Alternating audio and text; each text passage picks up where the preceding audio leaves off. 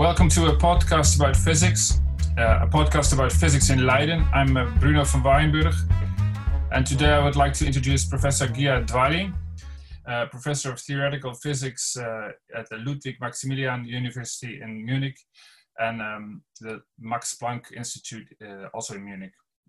And he's also this year's uh, Ehrenfest Professor, which is a yearly professorate in theoretical physics in Leiden. Uh, professor Dvali, your, your tenure as an Ehrenfest Professor has been uh, very uh, exceptional. Halfway through, uh, it was interrupted by the coronavirus crisis. So that resulted in you giving uh, a couple of lectures online. so how, how did you experience this all? Um, well, okay. So for uh, first of all, yeah, thanks, thanks very much for the for the interview. Of course, this is uh, an unusual experience for, for everyone. So, and uh, we are trying to adjust to it. Um, uh, it's much.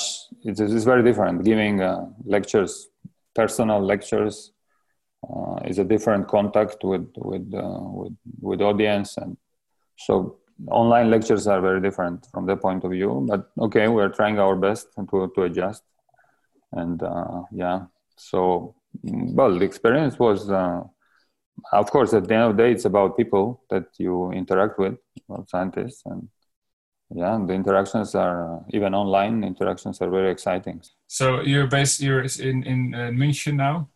Yes i'm in münchen now. I'm planning to to to come back. It was discussed that i come back and make up uh, for um, once this thing is set uh, stabilized uh, probably end of okay end of september beginning of october. We'll see you again then now the first lecture you delivered was still in person and you had a very um, uh, informal and uh, open uh, lecturing style and it was um, a lot of talk about black holes right. now we've all heard of black holes by now last year we've seen a photograph of one uh, and we're always told it's a very dense concentration where gravity is so strong that even light cannot escape.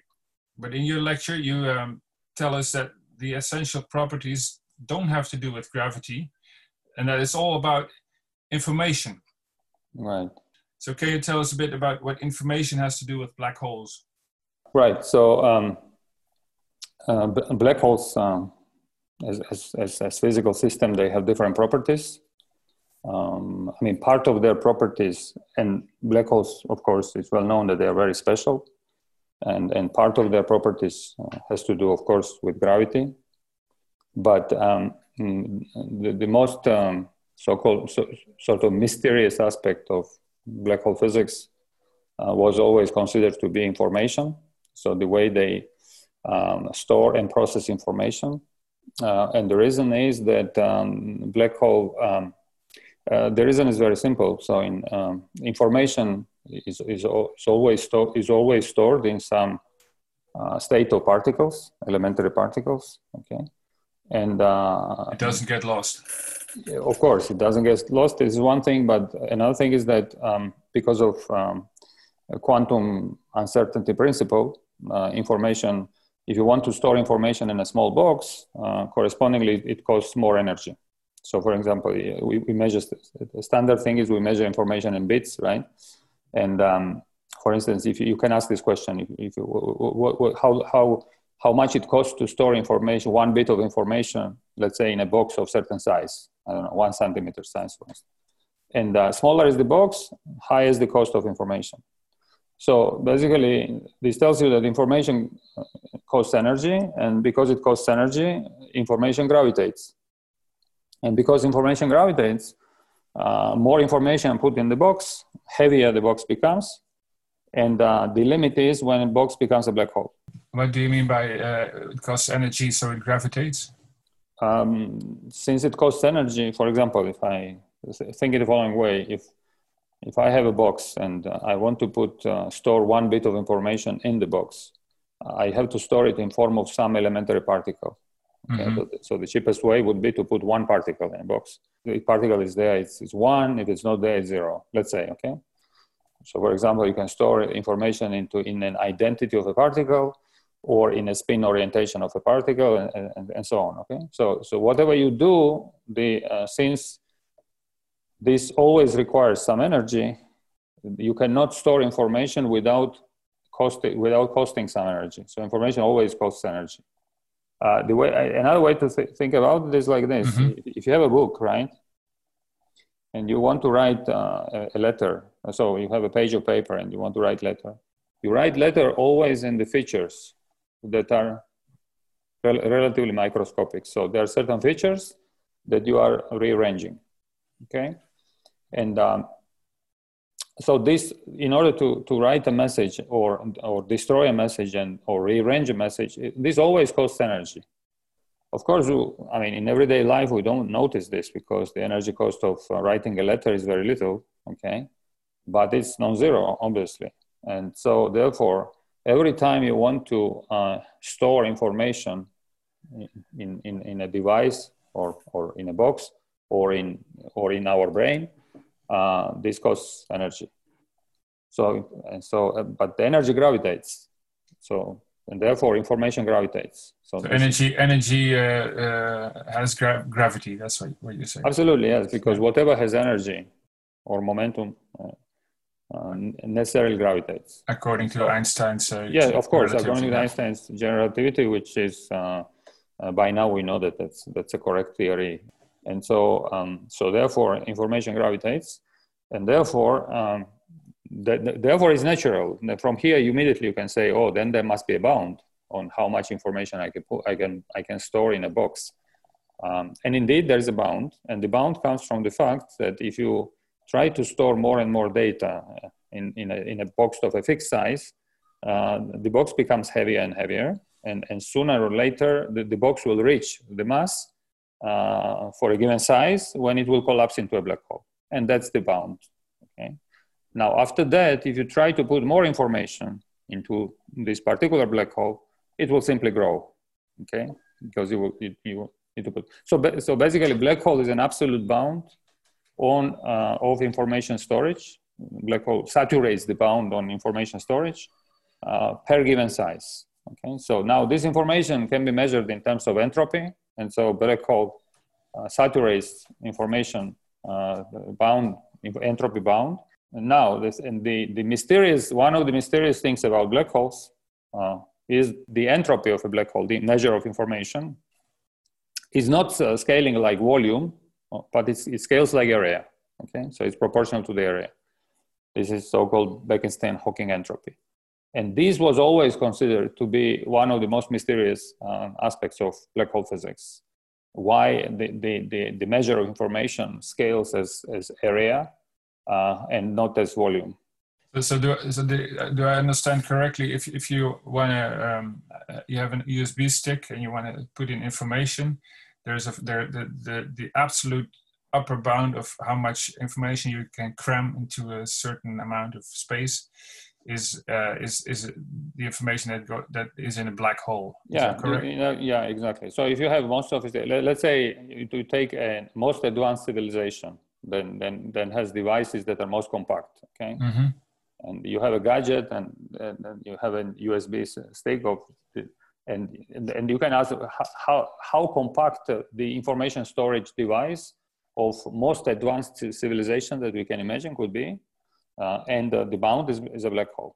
So right. the most advanced civilization could use a black hole as a storing, as, a, as an information storing device. Uh, they cannot do, any, nobody can do any better, okay? Because that's the absolute bound uh, in nature.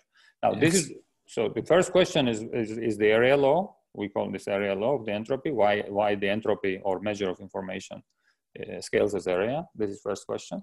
And another question is that the information uh, is pretty well established that information is, is coming out of a black hole. Now, black holes evaporate, they, they decay, they radiate by so-called Hawking radiation.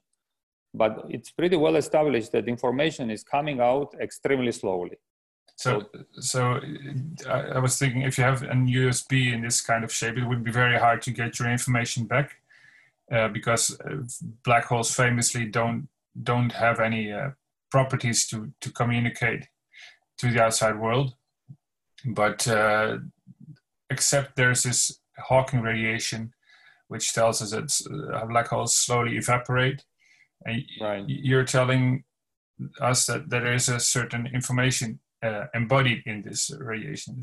If black hole decays fully, okay, mm-hmm. black hole fully evaporates, um, the information, entire information stored into black hole is coming out. Information could, cannot, in physics, information cannot disappear because this is the most fundamental aspect of physical evolution. We call it unitarity. So you could uh, get your files back.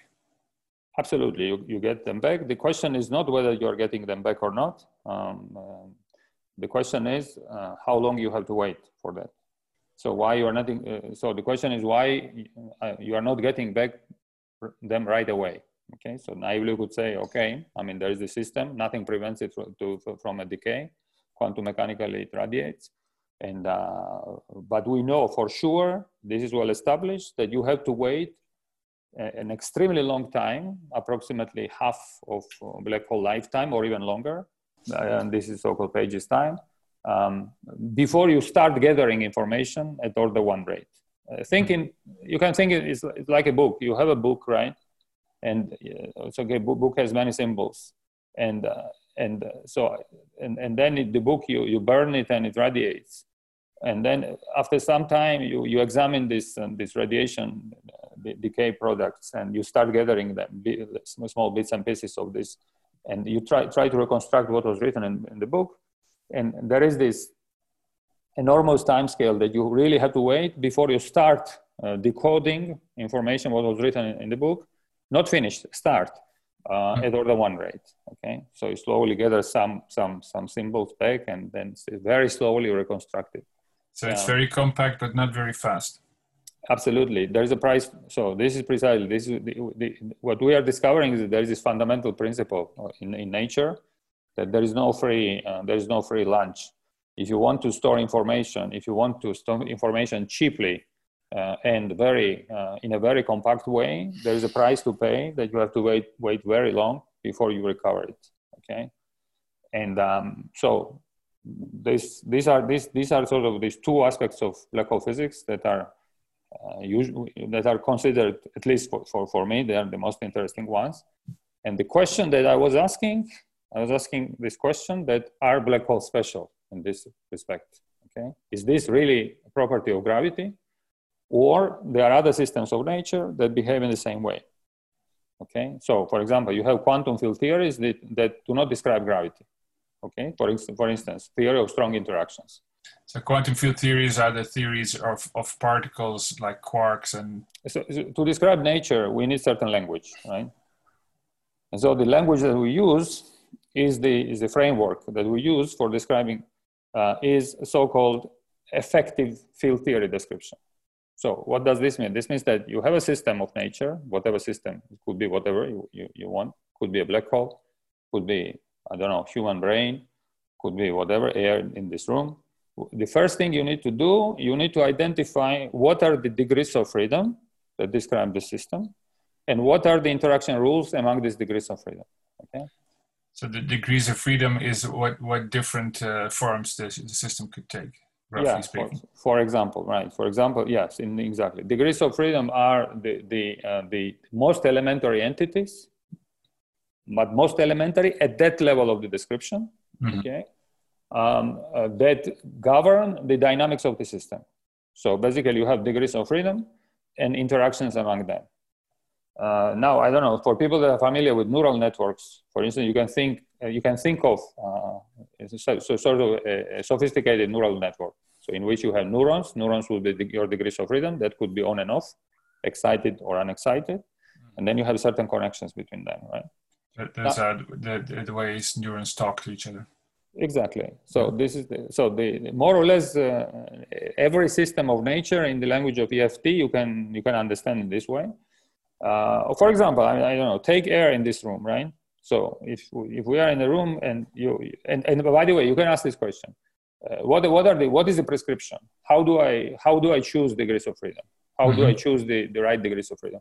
And there is no universal prescription. It's always a matter of convenience. Now, for example, if you are if you are in a room and you have a if you have a musician, or if I'm listening to a music, if I'm a, simply a listener, uh, then the dynamics of the air in this room, the only thing I care about are sound waves. So for me, degrees of freedom will be sound waves. A musician doesn't have to know what is the substance in which the sound waves propagate. The, the, the musician doesn't have to know about chemical composition of the, of the air in the room, etc., etc. So in this way, we are working in an effective theory of sound waves. The only thing we need to know how sound waves in, interfere with each other mm-hmm. how they interfere with the noise that comes from the street, etc. Right? So in, the, in, that case, the sound waves would be the proper degrees of freedom. Mm-hmm. Now, if, if, you are interested in a completely different problems, for example, you, you can be interested in a problem in which what, happen, what, what, are the chemical reactions that happen at high temperature in the room. Mm-hmm. Of course, then sound waves are, are, are not the right degrees of freedom. Then you have to go to molecules and molecular degrees of freedom or atoms and so on. So they so, depend on what you're interested in. Absolutely. So the choice of degrees of freedom depends on the energy of the problem and what are we interested in. Okay, so that's what happens in elementary particle physics. In elementary particle physics, degrees of freedom are what we call elementary particles. But they also change when we move from one energy scale to the other. For example, in theory of strong interactions, if you are at, low, at, at large distances, degrees of freedom are composites, like pions, for instance, or baryons, but if you move to short distances, the, the right degrees of freedom are quarks and gluons. Okay. So, so the, the, way you describe the system depends on on exactly what you're looking at. Uh, absolutely. And, yes, and absolutely. the strong interactions is the the forces that are at work within the, the nucleus of a absolutely. atom, right? Right. Yeah. So, strong interaction governs the forces within the nucleus, right? Um, but also you, you, could be interested in, in, in uh, strong interactions at large distances. Distances much larger than the size of the nucleus. Depending at, what, at which distances you are looking at things, so your elementary degrees of freedom could be nuclei themselves or gluons and, and quarks that, that, that, compose them at very short distances. So that's for for instance in the Large Hadron Collider where you where you smash these nucleus, nuclei into each other, and then there's larger distances, and you say that then you use different degrees of freedom to describe them. Absolutely. So this is a very good example that you're bringing. So for instance, at Large Hadron Collider, we explore distances something like 10 to the minus 17 centimeters uh, this is a distance which is much shorter than the typical distance at which nuclear force becomes strong. That distance is approximately 10 to the minus 14 centimeters. So it's like thousand times. You are, we are at thousand times shorter scale at Large mm-hmm. Hadron Collider. And now, if you, if you imagine some really microscopic observer that could observe this collision at distances 10 to the minus 17 centimeters, for that observer, the right degrees of freedom would be quarks and gluons. Okay, so that would be within within the nucleus. Right. This would be like one one thousandth of the nuclear nuclear size. Okay, approximately. Really small. And the right exactly, and the right degrees of freedom would be quarks and gluons. Now, of course, when collision happens, finally quarks and gluons they they rearrange, they they they rearrange themselves, they convert into different particles, and then they fly apart. When they fly apart, once they get separated by farther than 10 to the minus 14 centimeters, after that, of course, nuclear force rearranges itself. And what do we call, we call this process hadronization. So mm-hmm. they hadronize. And what flies out are now composites. You have a bunch of nuclei or glue balls or glue, and, uh, glue balls and composites, mesons and so on. So th- these are these are uh, composites of quarks and and uh, exactly. Yeah. These are composites of quarks and gluons, but it's very important to understand that exactly in the same way as, as a musician in the room has no idea what the sound waves are composed of. Mm-hmm. For a musician in the room, uh, the sound waves are sound waves. It's exactly we are in exactly the same position. For us, at large distances, degrees of freedom are, are pions and mesons, and uh, that's and, all that matters. That's all that matters. Exactly. That's precisely point. So therefore, uh, so we use, use this description of degrees of freedom. And uh, so the question is to connect to black holes, because again, black holes are objects in quantum field theory, or quantum field theory, which includes gravity. So what we are trying to understand, we're trying to understand whether black holes are uh, special, okay, first thing. And uh, then uh, try to see if they obey certain universal, universal laws of nature, okay? And this is what we are discovering. So what we're discovering is now, now the question is, the, the question that I was asking is, okay, let me forget gravity for a moment and let's go to a theory of strong interaction, okay?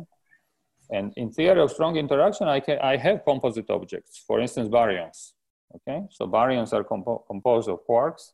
For, for instance, uh, uh, protons and neutrons are baryons. Instance, protons and neutrons, right. Mm -hmm. Now, the thing is that protons and neutrons are not good uh, candidates for, for comparing to black holes. Uh, why? Because, uh, because they, do, they don't carry much entropy. And, and my idea is, was that we have to compare apples with apples.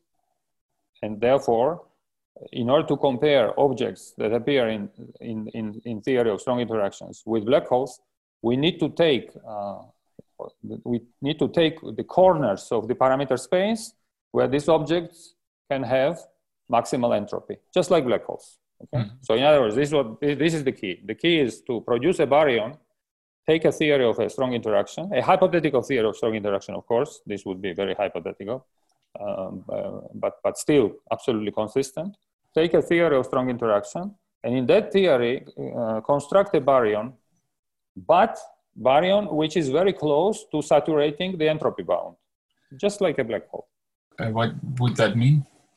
Well, that would mean the following. For instance, in in theory of strong interactions, uh, okay, I can, I can, there are many methods to do this. For, for instance, one, one, one trick is the following. In theory of strong interactions, we have uh, quarks of different flavors, okay? For instance, in, in, nature, we have up quark, down quark, S quark, and so on, right? Mm-hmm. So, for instance, a quark flavor uh, is, is, a, is a good quantum number in which you can store a message, okay? For example, I can send you a message which is stored in the sequence of quarks. For instance, I can send you three up quarks, two down quarks, 10 S quarks. We can use this as a code, as a code and, and to exchange information. Now, um, in a theory of strong interactions, in a, in a, in a, in a, in a model of, in a, in a hypothetical theory of strong interaction, in which we could have arbitrary large number of colors and arbitrary large number of flavors, I could store this information in a baryon. Okay, so I have baryon, and baryon has different flavor content. And now I can send you a message using the baryon. So a baryon is normally three quarks. Yeah, in normal in normal theory of strong interaction, baryon is so the number of uh, quarks in baryon is equal to the number of colors. That's why I'm taking a hypothetical limit of strong interaction when the number of colors is large. So you say we have more colors so we can store more information. Yeah, because I need to compare to a black hole, right? right? In order to compare to a black hole, I need to have objects that are similar. I cannot compare apples with oranges. Even though, even though this is not the way uh, that nature really works. Of course, this yeah, uh, yeah. this is not the question of nature. It's a question of consistent theory to to examine what happens in consistent theories. Okay, uh, so we can have very many flavors then. Exactly. So we can have many flavors and many colors. So we take this, I mean, this is typically pretty common in particle physics that in order to understand real interactions, we, it's useful sometimes to what we call deform a theory mentally, to take a different mathematical limit of a theory where it's much easier. The certain properties become much more sharp and much more transparent. So this is what I'm doing. Mm-hmm. Of course, then we can come back to three flavors and three colors. So once we mentally understand this, this, this analogy, then we can come back to a, to a real world. So for instance, let's take a black hole of, uh, I don't know, certain size. Uh, let's say one, one centimeter size, okay? If I take black hole of one centimeter size, entropy of a black hole is approximately 10 to the power 66, okay? So in order to compare the black hole with a strong interaction, I had to take strong interaction with number of colors of 10 to the 66 and number of flavors 10 to the 66. Then they can store the same amount of information. Exactly. Then mm-hmm. the baryon in a, in a theory, absolutely. That's the point. That's the case. So the baryon in a theory in which you would have 10 to the 66 colors uh, and 10 to the 66 flavors would store the same amount of information as a black hole is storing in, in, in, in real world. And now the question is, now we can now we can talk because now we can compare apples with apples. And now it strikingly turns out that baryon in such a case has all the properties of a black hole. The entropy of a baryon scales as area. Um, again, the same thing, information, in order to resolve information stored in the baryon, you have to wait the time scale, which is exactly the same that you have to wait for a black hole, and so on. So it's obvious that most fundamental aspects that govern uh, the black hole properties are aspects of information and unitarity and not vice versa. In other words, black hole is what it is, not because it is something in gravity and gravity is special. Of course, gravity is special in other respects, but, but no, other way around, because black hole is an, a representative of a huge family of, of, of states that saturate the entropy bound. And once you saturate the entropy bound, they all behave in the same way. And this is really striking. And so, how do we know that this baryon has this uh, uh, area that scales with? Uh, oh no, because there we can compute everything. That's that's the trick. Because in strong interaction, there it's a normal theory, mm-hmm. uh, so uh, we don't have uh, same type technical difficulties as in quantum gravity. Mm-hmm. Here's a theory which is renormalizable. You can just calculate it. Exactly. There is no mythology there. We know that this theory is consistent, and in this mm-hmm. theory we can just calculate, and we see immediately then the then the entropy is area can you say something more about um, how you have to wait for this minimum amount of time before you can extract information? Right. For example, uh, we can we can perform the first thought experiment. So the first thought experiment would be: I take this baryon, and I send you a message encoded in the baryon. Okay. So a message is encoded in the flavor state of the baryon. Okay. So because baryon can be can, can consist of different sequences of quark flavors. So you, you get this baryon, and the baryon represents a message, which is sequence of zeros and ones. You can think of it as sequence of zeros and ones. Enormously large sequence, 10 to the power 66, if we want to choose this baryon. Uh, now, now you start reading this message. Now, how do you read the message? In order to read the message, you have to read out the baryon content of the, of the, the flavor content of the baryon you really have to see what are the flavors that compose this baryon. But this requires interactions. So what you have to do, you have to do, you have to take baryon, okay, and uh, scatter particles at the baryon, for instance, pions. You have pions in your theory. Again, pions carry flavor. You scatter pions at the baryon. Then you detect the scattering uh, products. And then in this way, you measure the flavor content of the baryon. But this interaction takes time because mm-hmm. interaction strength is suppressed by inverse one over one over the number of colors. So, so that, the, the more colors, the le- longer the time it takes to distinguish them. Exactly, because this. Um, now, by the way, this I should mention that this idea of having large number of colors in QCD, this was pioneered by 't Hooft, who, who essentially Gerard 't Hooft. Yeah, yeah Harold 't Hooft. Utrecht right. University. Mm-hmm. Absolutely, yeah. This was pioneered by him, and actually, uh, this is uh, we, we, even we, we, call it 't Hooft limit, and this is mm-hmm. the limit in which you take number of colors large, but simultaneously you have to take inter- the interaction coupling has to be small. That's a consistency requirement in order not to violate unitarity. So All by right. unitarity, more colors is weaker interaction. Okay. Unit, so unitarity is uh, that use that information uh, uh, remains yeah, um, in, unitarity in quantum theory is everything, mm-hmm. including the fact that information remains. But, mm-hmm. but not just that. Uh, unitarity simply means that quantum theory makes sense. I mean, non-unitary quantum theories simply make no sense. It, it would mean that if you have a theory which is non-unitary, that would mean the probabilities do not sum up to one, which of course makes no sense. And then by unitarity, this is precisely the. And this is what, what this is what I'm discovering. I'm discovering that unitarity controls precisely this efficiency of information storage. Mm-hmm. By unitarity, if you want to store more information, the theory must be weaker interacting. And therefore, since theory is weaker interacting, there is a price to pay in waiting a longer time before you can resolve the message. Uh-huh. And that's this, where you get this waiting That's exactly the point. So, so, so, therefore, the behavior is strikingly similar that it is in gravity. Now, then it turns out that there is a, this is true for every object that we know. I mean, I, I, I don't know any, any object that doesn't obey the same. So not only baryons.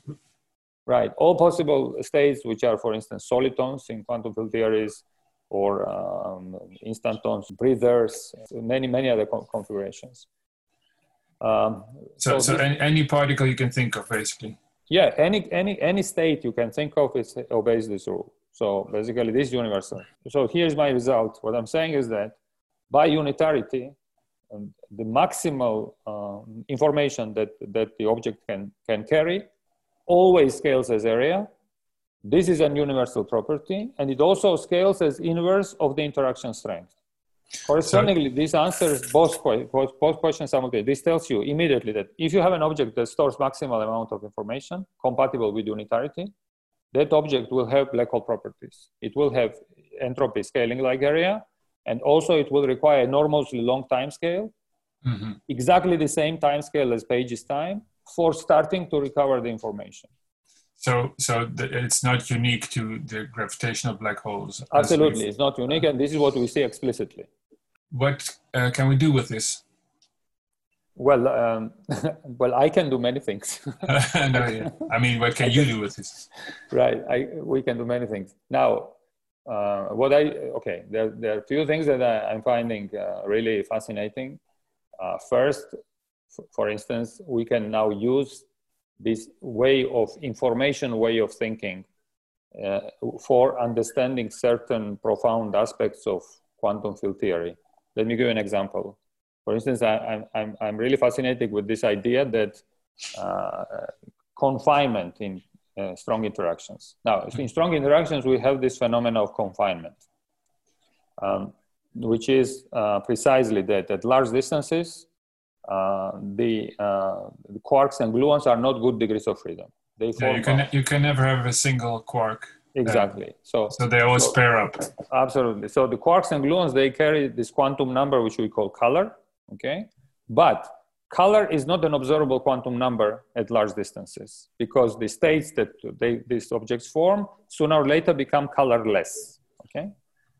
Now this is uh, the, the, phenomena which is of course well, well established um, many aspects are, are well understood of this phenomena. It doesn't consider to be fully understood, but it's still mysterious. So there are all these questions. I mean, is this a necessity that theory always becomes confining?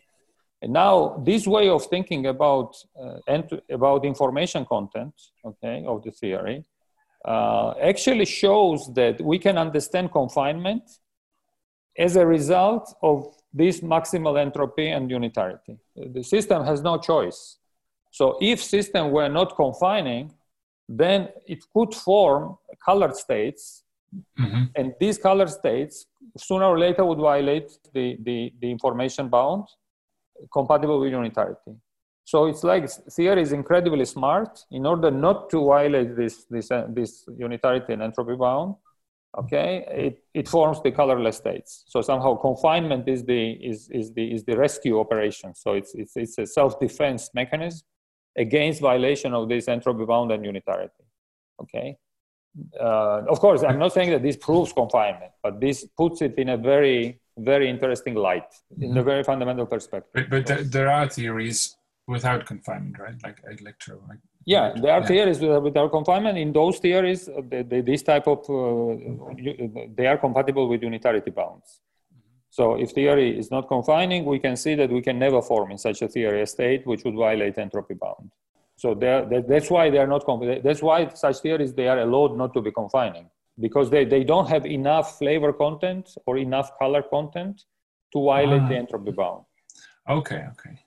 You can think in terms of diversity. It's like, you see, it's like a, it's like a mosaic. So the theory has certain quantum numbers and has certain, has certain uh, diversity of quantum numbers. If theory has diversity of quantum numbers, then theory can potentially violate entropy bounds because mm-hmm. if you mm-hmm. give me very high diversity of quantum numbers, I can put very different combinations together. There's a lot I of can, information. Yeah. A lot of information. I can send you a, a message with a lot of information. So, in order not to violate the bound, theories with high diversity of quantum numbers, they must become confining at sufficiently large scale. This is what um, happens with color states. Now, in order, but in, if you have a theory in which you don't have diversity of quantum numbers, for instance, Maxwell theory, electrodynamics, right?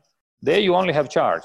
Okay, I mean you have charge particle, and that's it. You have one one one characteristic charge, and uh, but using it, you cannot form a, an object which violates entropy bound. But, so you don't need confinement. So it doesn't need confinement. So this is the way it works, right? This is one example. I mean, mm-hmm. there are other things that this in general, so what fascinates me is that I see this universality in the way different systems process information. And uh, I had these ideas to also transfer this to neural networks, sort of to think in terms of, to, to think in neural networks in, ter in terms of this entropy and the area law, etc. And uh, they also sort of, it looks like that if you, you can have sort of analog uh, neural, neural networks which are analogs of black holes in this information sense, of course. That uh, sounds uh, very peculiar.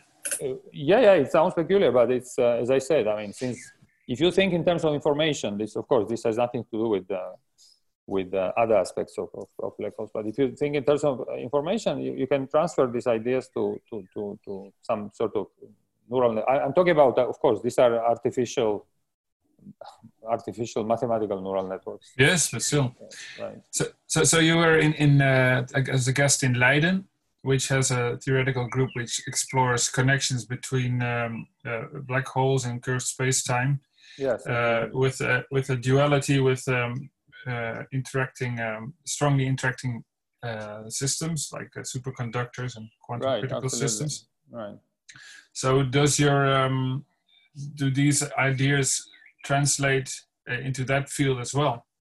Yes, absolutely. So this was, uh, yeah, unfortunately, because we got interrupted with this Corona crisis, uh, uh, yeah, I would have more, uh, more, more exchange of ideas about this. But yes, absolutely. This uh, one direction would be to to test these ideas about entropy and unitarity, etc., in these many body systems, such as condensed matter systems and um, because they are ready made for this. Because after all, um, in order to, so n- now that we understand that in order to sort of create a black hole like system in, in many bodies system we know we know how to do it we know that we, how to bring system to an enhanced entropy point etc so and that so, would be uh, creating the equivalent of an, a black hole in the lab that's exactly the point. Yeah, from the point of information storage, right? Exactly. Mm-hmm. So this, the, following these prescriptions, we can, uh, in, in fact, uh, we can manufacture these these type of systems, and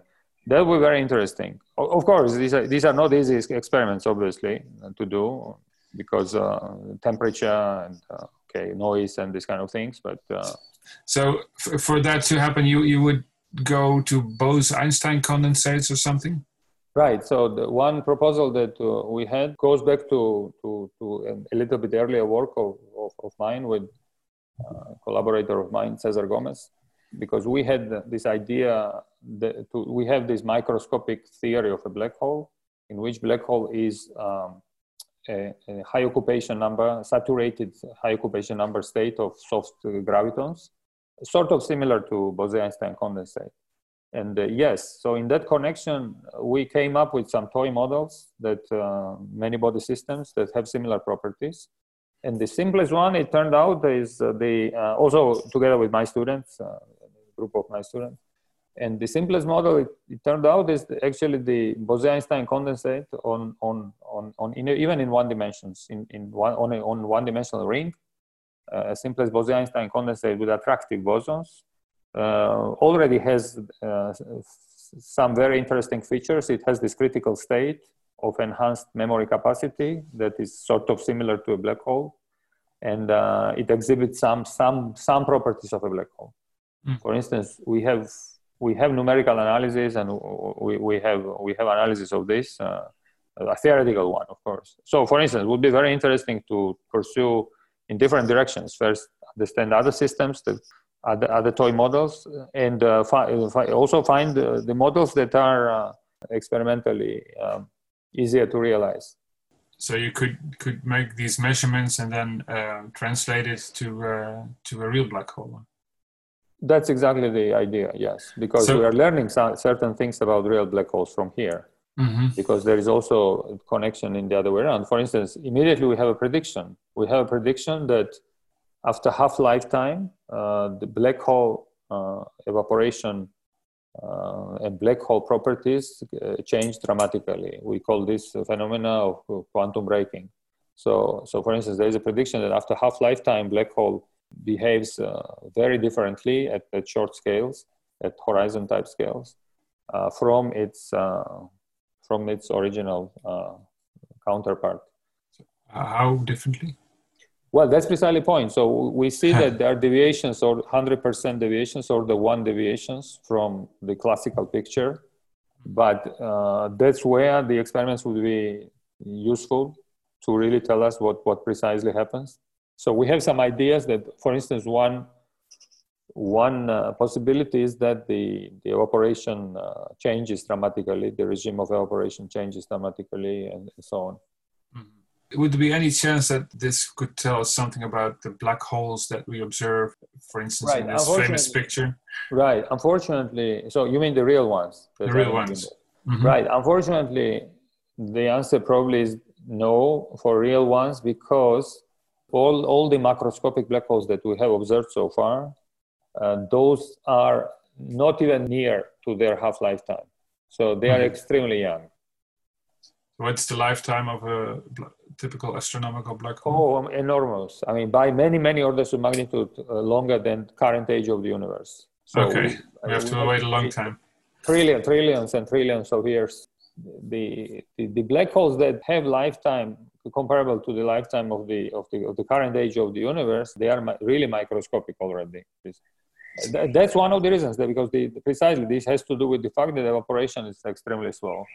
So therefore, uh, this effect of age, of aging uh, black holes differently, that will not be important for astronomical black holes, but they, that, that effect can be extremely important for the primordial black holes, microscopic ones, because those are much, those are very old. Those are for, black holes that have formed during the Big Bang during Big Bang or during inflationary period or, mm-hmm. or, small ones or, or even later, but the small ones, the ones that are small.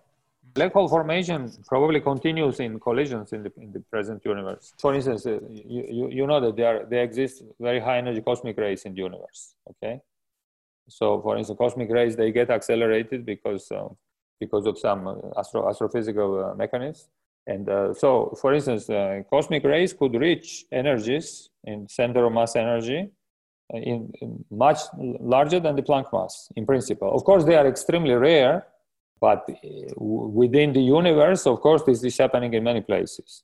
For instance, collision of this type of very, very high energy cosmic rays produces black holes, okay? Produces small black holes, black holes that are not terribly heavier than the Planck mass, and so on. So, so in other words, yeah, on top of the on top of the macro black holes that we see, astro, astrophysical black holes that we see in the universe, um, there are plenty of other scales on, at which black hole physics could be extremely interesting.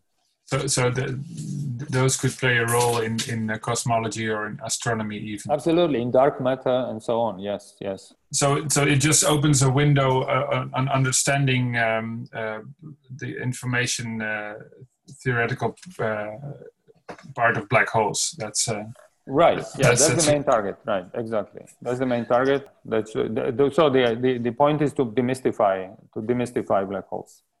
Now, in, in the lecture, you you uh, you gave you showed us that you're very much uh, uh, explorer of ideas of, of physical concepts. Uh, there wasn't a lot of complicated mathematics. Uh, so, w- would that be correct to describe your style? No, I, well, unfortunately, a lot of uh, a lot of technical computations uh, are are required. Unfortunately, yeah. we cannot get away with simply uh, putting together ideas and. so of course, be, all, behind all these statements, there, there are pages and pages and pages of, of, of, of computations. but of course, when we give public lecture like that, we try to reduce all the all these computations to intuition and ideas and uh, sort of to explain in more intuitive way. But of course all these ideas uh, i mean physical theory must be based on very rigorous computations. And uh, yeah we cannot we cannot avoid that. So you made the calculations you just uh, did it at home? Also not just at home yes. We um, yeah we do it all the time yes. Also in the office right in the cafes i like to do yeah i'm a cafe physicist so i also like to do some computations in in, in, the, in cafes so so what would be for you the next uh, logical steps to take uh, in your work and um, will you tell us in september Or? Well, I mean, the, there are um, there are several things that are interesting. Uh, I'm, I'm in the in the process of um, exploring this. Uh, um, this, for instance, uh, one very interesting thing is to apply these ideas to cosmology. Um, and so uh, it turns out uh, why because uh, actually you you uh, probably know that the, the the the Hubble. So first of all, in cosmology, our universe is expanding, and we are surrounded with so-called cosmological horizon. So the, the, the cosmological horizon, what is that again? Well, cosmological horizon is, uh, in general, uh, since universe is expanding, right? Um, there is always a certain. If you take an observer, let's say, let's say us, and you go, you, you go farther a certain critical distance, uh, the that region of the universe would be go, would be would be escaping from us with with with the velocity faster than the speed of light. Okay so you can you can never see that because uh, exactly. because of the expansion it will right. recede from us further than light that's faster than light. Exactly that's exactly point. So therefore now uh, okay to, to say that we will never see it, it, it, that depends whether the expansion will slow down because in mm-hmm. principle expansion could slow down and then horizon increases. And then you can see more and more distant regions in the universe but the epoch I'm talking about is the epoch where horizon is not increasing. So it's sort of universe is expanding exponentially fast, and we, we are locked within the within the fixed horizon. So the that type of universe carries entropy, which is uh, very similar to black hole entropy, because it's again area law. And uh, so um, the the the properties of uh, cosmological horizon uh, are pretty similar to properties of black hole horizon. Okay, so it's like it's, it's like a sort of black hole inside out sort of. Uh, so therefore, uh, especially the, the cosmological horizon uh, of the inflationary period. So inflationary period is the period when the cosmological horizon is not changing. It's not really, uh, or it's changing very slowly. So it's not really expanding. So it's a fixed horizon. Uh, we so according to current current understanding of cosmology, we our early universe we underwent through this type of expansion. Okay, so we come from inflation basically. Our current universe is coming from inflationary period. Uh, and, and also there is some indications that we are re-entering uh, inflationary period because of dark energy, etc. So therefore, uh, the, the physics of inflationary universe, sometimes we call it de Sitter type universe, uh, is very similar in some, in certain aspects, is very similar to, to, to physics of black holes, including in information aspects. Why? Because uh, de Sitter universe also has entropy, so-called Gibbons-Hawking entropy, uh, which scales as area of the, of the universe, mm-hmm. of, the, of the Hubble patch. And so in that, in that respect, it's like a carbon copy of black hole entropy, which also scales like area, except it's from, from an inside observer. So we observe the, from inside out. Uh, and um, therefore, uh, I believe, and actually we did some work uh, also with my students, preliminary work, that all these ideas are equally applicable to the to all these microscopic ideas are equally applicable to inflationary universe. And this would be very exciting because this would tell us that there is a new source of quantum information from primordial universe that in principle, eh, in, in, in, in principle and maybe in practice is readable. We can read it out somehow. And so that's very exciting. And, uh, and my idea is that this, this therefore that that also should be the same that also should be subjected to, the same type of uh, information laws that, that all the other objects including baryons etc so therefore we can apply these ideas to the quantum information. I'm talking about quantum information. They should not be confused with uh, density perturbations that are uh, that, that are observed uh, that has been observed in already in, in the universe I'm talking about the intrinsically quantum information that is stored in the Gibbons-Hawking entropy of the universe. So that's the that's what I'm trying to explore. Could we see this in the cosmic microwave background or something like that? Yeah, that's the these are precisely the type of questions that I'm trying to understand together with with, with my students and collaborators. Um, uh, what would be the ways to read out this quantum information? Okay, so in uh, observational. Okay, so plenty of avenues to explore then. Yes, plenty of interesting questions. And with any luck, you can tell us more uh, when you return. I'm looking forward to it. Okay, thank you for, for this Zoom meeting, uh, Professor Dvali. Uh, Thank and you, thank you for your. for, for, for great questions. And um, yes, we will hoping to see you uh, later. Yeah, me too. Yeah. So okay. Okay, thank you very much. thank you. Goodbye. Thank you. Bye.